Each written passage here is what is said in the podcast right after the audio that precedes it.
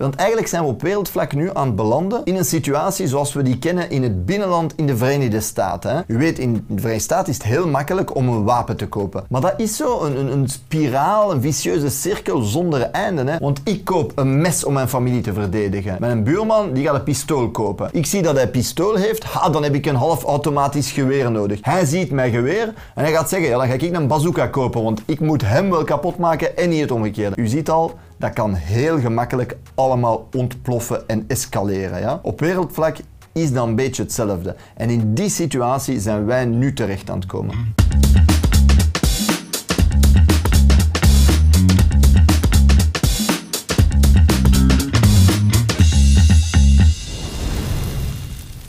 Hallo en welkom bij nu al de vijfde aflevering van Pepper Talk, waarin we een pikante, tegendraadse blik werpen op de internationale actualiteit. Ik ben nog steeds Mark Bottenga, Europees parlementslid voor de PvdA. Maar voordat we beginnen, dit is al de vijfde aflevering. En wie weet heb je wel de ene of de andere aflevering gemist. Om te voorkomen dat dat nog gebeurt, moet je nu even abonneren. En dan mis je geen enkele aflevering meer. Laten we beginnen met een economisch dilemma. Waar iedere regering vandaag voor staat. En dat is het dilemma guns butter. Wikipedia maakte er zelfs een klein grafiekje van. Waar gaat dat over? Het gaat erover dat iedere regering moet beslissen waar ze haar budget aan uitgeeft. En hoe meer geld je uitgeeft aan wapens, guns, hoe minder geld er overblijft voor butter, boter. Maar dat gaat dan over de sociale noden, investeringen in, in ik zeg maar iets voedselproductie of essentiële basisbehoeften. Als je daarentegen minder uitgeeft aan wapens, ja, dan blijft er meer geld over natuurlijk voor uh, sociale noden, ziekenhuizen, zeg het maar. Vandaag is die keuze bijzonder actueel voor de regeringen. En welke keuze maken onze regeringen? Laten we even luisteren naar Charles Michel. Charles Michel, u herinnert zich, vroeger eerste minister in België en nu een beetje ja, gerecycleerd in Europa. Ze wisten niet goed wat ze ermee moesten doen. We luisteren even naar hem uh, op de NAVO-top. Moeten Europese landen hun defensiebudget nu niet verhogen? Yes, yes, yes. Ja, ja, ja. En dat doen we al, want we hebben beslist om het de komende jaren met 200 miljard euro te verhogen. En waarom is die man zo blij met zijn vreugdesprongetjes? Niet omdat er 200 miljard vrijgemaakt wordt voor, zeg maar iets, de ziekenhuizen, eh, de energiefactuur, eh, de pensioenen, de lonen. Nee, nee, nee, nee, nee. Omdat er Europees 200 miljard zal gaan naar wapens, naar bewapening, naar de militaire industrie. Hè? 200 miljard. De militaire industrie, ja, die doen de champagnekurken al knallen natuurlijk. Hè. De wapenindustrie met geld overspoelen maakt deel uit van wat we militarisering noemen. Ja, en Europa beleeft vandaag ja, een periode van militarisering met Duitsland op kop. Duitsland besliste recent 100 miljard extra te investeren in de wapensector. 100 miljard. Dat maakt van Duitsland mogelijk straks de derde militaire macht ter wereld. Stel u voor. En dat terwijl na de Tweede Wereldoorlog, we hadden gezegd dat Duitsland nooit meer zou mogen militariseren. Hè? Want what could possibly go wrong? En België blijft niet achter. Hè? Luister even naar wat eerste minister Alexander De Croo vertelt. De belofte is dat wij deel uitmaken van eh, de club van de NAVO. Die beschermt ons. Als je deel wil zijn van die club, dan moet je ook je lidgeld eh, betalen. Dat wil zeggen dat we tegen, tegen, tegen 2035 uh, onze investeringen, ons defensiebudget op 2% gaan brengen. België gaat dus 2% van zijn bruto binnenlands product van alle rijkdom die in België geproduceerd wordt, wijden aan militaire uitgaven. Is dat veel? Dat is enorm. Dat is bijna een verdubbeling van wat we vandaag uitgeven. 5 miljard extra per jaar. En dat komt dan bovenop de 11 miljard die deze regering begin dit jaar al extra gaf voor militaire uitgaven. En bovenop ook nog eens het geld dat de regering, de vorige regering, de regering Charles Michel, yes, yes, yes. wijde aan de aankoop van F-35 gevechtsvliegtuigen. Amerikaanse gevechtsvliegtuigen die nucleaire wapens kunnen dragen, die zich goed kunnen verstoppen in de lucht enzovoort. Ja? Een van die gevechtsvliegtuigen kost zonder onderhoud, zonder enige reparatie, sowieso bij aankoop al 100 miljoen euro. Met die 100 miljoen euro zou je ook een ziekenhuis kunnen bouwen, of 12 woonzorgcentra, of 47 scholen. Ja, dus dat is wel een serieuze keuze die je maakt door die te kopen. Hè? Voor sociale noden, voor onze basisbehoeften is er nooit geld. Maar hier, voor militaire uitgaven, Magic Baby, geld komt uit de lucht vallen gewoon. Oké, zul je zeggen, maar hebben we dat geld niet nodig? Is dat niet nodig om zoveel geld te geven aan militaire uitgaven voor onze veiligheid? En we moeten ons toch beschermen. Dat is ook wat dat eh, Jens Stoltenberg, secretaris-generaal, de grote baas eigenlijk, van de NAVO beweert. Dus de NAVO, dat is die militaire alliantie geleid door de Verenigde Staten, waar heel veel Europese landen deel van uitmaken, waaronder België. Luister even naar wat eh, Stoltenberg te zeggen heeft. NATO-leaders have. uh, NAVO-leiders hebben zo pas beslissingen genomen om onze alliantie te transformeren en te versterken op dit kantelpunt voor onze veiligheid. De oorlog van president Poetin tegen Oekraïne heeft de vrede in Europa kapotgeslagen. Ze heeft de grootste Europese veiligheidscrisis veroorzaakt sinds Wereldoorlog 2. Dus wat zegt hij, Jens Stoltenberg? Ja, we moeten ons bewapenen om ons te verdedigen tegen Rusland. Maar klopt dat wel? Allee, had dat wel steek? Even nadenken. Hè. Vandaag, alle NAVO-landen samen, die geven nu al ongeveer grofweg 17 keer, 17 keer meer uit aan het militaire, aan defensieuitgaven dan Rusland. Ja? Denken wij nu echt dat als we in plaats van 17 keer meer, 18 keer meer gaan uitgeven, ja, dat Poetin gaat zeggen, ja, verdorie, ik wou de NAVO aanvallen, maar nu, ja, toen dat ze maar 17 keer meer uitgaven dan wij, dan had ik nog een kans. Maar 18 keer, nee man, nee, nou is het gedaan, ik geef mij over. Nee. Dat is niet op die manier dat je vrede creëert. Integendeel, want dat soort wapenwetloop is zelfs extreem gevaarlijk. Want hoe meer wapens er in omloop zijn, hoe groter het risico dat je die vroeg of laat gaat gebruiken. Eigenlijk hebben we nu op wereldvlak langzamerhand een beetje een situatie zoals de Verenigde Staten in het binnenland al lang kennen. Hè? Waar iedereen uh, een wapen koopt om zich te verdedigen. Hè? Maar natuurlijk, dat is een verhaaltje zonder einde. En tijdens de Koude Oorlog erkende de wereld en de, de grootmachten in deze wereld ook dat risico. Hè? Dus de Koude Oorlog, wat was dat? Dat was eigenlijk de tweede helft van de vorige eeuw, hè, de 20ste eeuw. Twee blokken die tegenover elkaar stonden. Enerzijds het kapitalistische blok, hè, geleid en gedomineerd door de Verenigde Staten. En anderzijds een blok geleid en gedomineerd door de Sovjet-Unie, dat zich beriep op het socialisme. Ja, en die waren verwikkeld in zo'n wapenwetloop. Maar op een gegeven moment ja, was het toch wel duidelijk dat dat heel gemakkelijk kon ontploffen. En dan zijn ze rond tafel moeten gaan zitten en zeggen van oké, hoe gaan we dat risico op een wereldoorlog verminderen? En toen zijn er een heleboel verdragen afgesloten om te ontwapenen of om de bewapening te beperken. De laatste jaren zijn helaas al die verdragen stap voor stap opgezegd of ja, geannuleerd. Hè.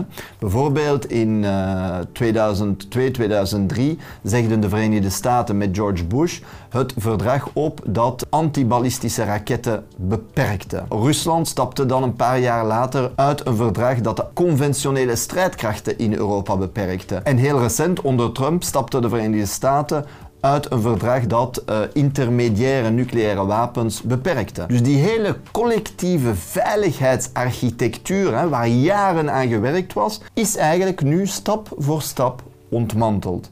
En dat is bijzonder gevaarlijk. Meer nog, eigenlijk heeft de Verenigde Staten, Barack Obama en de NAVO hebben die recent een nieuwe wapenwetloop gelanceerd. Luister even naar Barack Obama.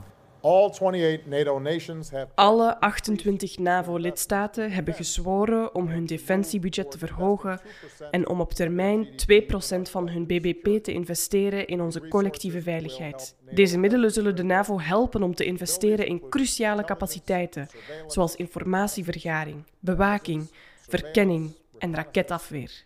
Deze toewijding maakt duidelijk dat de NAVO niet zal plooien. Onze alliantie zal de daling van defensieuitgaven omkeren en ze zal haar rug rechten om de uitdagingen van de 21ste eeuw aan te pakken.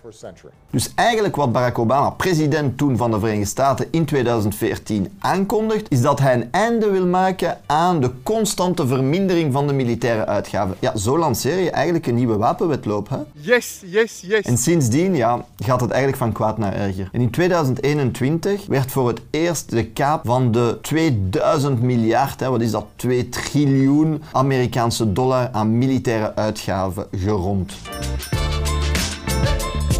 2 triljoen. Ik weet zelfs niet hoeveel nullen dat zijn. U wel? Wat ik wel weet is dat een fractie van dat bedrag zou volstaan om de honger de wereld uit te helpen. Ja, waarom lanceert de NAVO in hemelsnaam een nieuwe wapenwetloop? Dat heeft toch weinig zin. Om dat te begrijpen, moet je eigenlijk ja, een taboe doorbreken. En dat is een van die dingen die als je ze zegt in het publiek, dan gaan al die traditionele partijen, ja, die, die, die slaan door. Hè. Die, die, gaan, die gaan uit hun dak, echt waar, gewoon een beetje, beetje gekkigheid. Waarom? Omdat je daarmee een basisprincipe van de NAVO-propaganda tegenspreekt. En wat is dat? De NAVO beweert een defensieve alliantie te zijn, een verdedigingsalliantie. Maar uh, ga even kijken naar de oorlogen die de landen van de NAVO de laatste jaren gevoerd hebben. Zeg maar iets Afghanistan, uh, Libië, een heleboel andere. Dat zijn nooit oorlogen geweest tegen een land dat ons heeft aangevallen. Hè? Al die oorlogen waren eigenlijk oorlogen met andere belangen. Gas, uh, olie, wat dan ook. Ja? En dus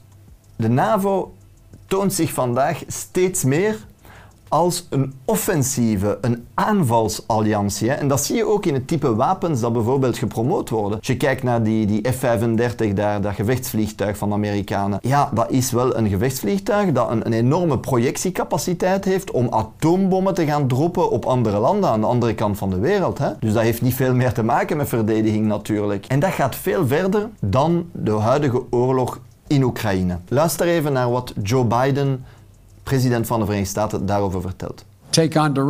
We zullen onmiddellijk de uitdagingen aangaan voor onze welvaart, veiligheid en democratische waarden tegenover onze grootste concurrent, China. China. Je ziet eigenlijk Joe Biden, die kijkt naar China. En die ziet China als een rivaal, als, als, als een mogelijke uh, vijand, maar vooral als een economische concurrent. Hè? En dat wil hij niet zomaar laten passeren. Kunnen we even luisteren naar zijn eh, minister van Buitenlandse Zaken, Anthony Blinken. NATO has come together and said... De NAVO is samengekomen voor overleg over haar strategisch concept. Dat is zowat de blauwdruk van hoe wij samen de wereld benaderen. Voor het eerst is China nu een onderwerp van dat strategisch concept. Het is een bezorgdheid die alle NAVO-landen hebben. Nu, dat is toch wel heel opmerkelijk voor een defensieve alliantie. Hè? Want het is niet dat China een land heeft aangevallen. Hè? Hij wil nu uh, vliegtuigen of uh, gevechtsschepen sturen naar de Zuid-Chinese Zee, naar Zuidoost-Azië, de andere kant van de wereld. Ja, dat heeft natuurlijk niks te maken met het verdedigen van een of ander NAVO-land. Want daar, daar, daar zit geen enkel NAVO-land. Nee, dat heeft er wel mee te maken enkel en alleen dat China vandaag door de Verenigde Staten gezien wordt als een opkomende economische concurrent. En daarom gaan ze in die militaire logica richting Zuidoost-Azië. Oké, allemaal goed en wel, maar hoe garandeer je dan op internationaal vlak de veiligheid van allen en iedereen? Want dat is wel een centrale vraag natuurlijk. Eerst en vooral denk ik, moeten we niet bang zijn om de goede dingen die in het verleden gebeurd zijn te hergebruiken vandaag. Kijk naar die verdragen, die onderhandelingen over ontwapening, of over uh, de beperking van de wapens in de wereld. En dan ga je me zeggen, ja, wat voor een softie praat is dat, jong, dat gaat toch nooit lukken. Maar als dat gelukt is tijdens de Koude Oorlog, tijdens die enorme confrontatie tussen de Verenigde Staten en de Sovjet-Unie. Waarom zou dat vandaag niet mogelijk zijn? Ten tweede moeten we even denken naar hoe wij in de wereld willen staan als Europeanen uh, of, of, als Europa. Hè. Vandaag is het heel vaak zo dat we nog onze wet willen dicteren aan landen die zwakker zijn, of dat we bijvoorbeeld uh, militaire bondgenootschappen zoals de NAVO zoveel mogelijk en zo breed mogelijk willen verspreiden over de wereld. Hè. Dat is niet altijd een goed idee. De paus bijvoorbeeld wees erop dat gaan blaffen aan de deuren van Rusland ja, waarschijnlijk niet zo slim was, want dat gaat Rusland natuurlijk doen reageren, zei hij. Dat geldt ook voor andere landen. Hè. Het is niet zo omdat ik sterker word en, en overal troepen stuur, dat andere landen zich ook veiliger gaan voelen. En hoe onveiliger zij zich voelen, ja, hoe groter het risico op een harde reactie vanwege die landen. Veel beter een echt multilateralisme, waar je met iedereen samen praat in het respect, in het ja, begrip ook van het feit dat wij bepaalde belangen hebben voor onze veiligheid. Maar andere landen hebben evengoed belangen en, en, en ja, zorgen, bezorgdheden, waar dat we rekening mee moeten houden. En op die manier kun je dan ja, tot compromissen komen, tot akkoorden. Een echt multilateralisme in het respect van de verschillende belangen. Dat is een tweede pijler. Ten slotte, Vandaag is vaak sprake over meer Europese samenwerking in zaken defensie. Maar waar gaat het dan om? Dan gaat het erom om meer uit te geven op Europees vlak. Ja, samenwerken om meer uit te geven. Terwijl je eigenlijk zou kunnen zeggen van waarom niet samenwerken om minder uit te geven? Want vandaag, ieder land heeft zijn eigen wapensystemen, uh, zijn eigen jets, zijn eigen tanks enzovoort. Zouden we dan niet minder kunnen Zouden we niet kunnen zeggen van we gaan minder doen, hè, als we dan toch collectief doen? En dat kan ook door even na te denken van waarvoor zo'n defensie moet dienen. Moet zo'n defensie dienen, zoals de Europese Unie vandaag wil, om te gaan tussenkomen in Afrika of uh, in de Zuid-Chinese zee? Of en dat lijkt mij een goed voorstel, moet zo'n defensie dienen om het Europese grondgebied te verdedigen. En dan kun je zeggen, we werken samen op Europees vlak om samen minder uit te geven en ons te concentreren op de verdediging, op echte defensie, in plaats van altijd overal in de wereld te willen gaan tussenkomen. Voilà, dus we hebben weer heel wat uh, ja, materie behandeld vandaag. Ik vond het intens, maar ik hoop dat jullie het wel interessant vonden.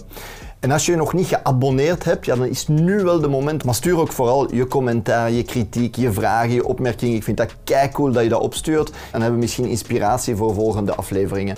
En uh, wie weet komen we elkaar binnenkort wel tegen. Hè? Op straat, in een of andere betoging of waar dan ook. Uh, kijk daar naar uit en uh, tot binnenkort.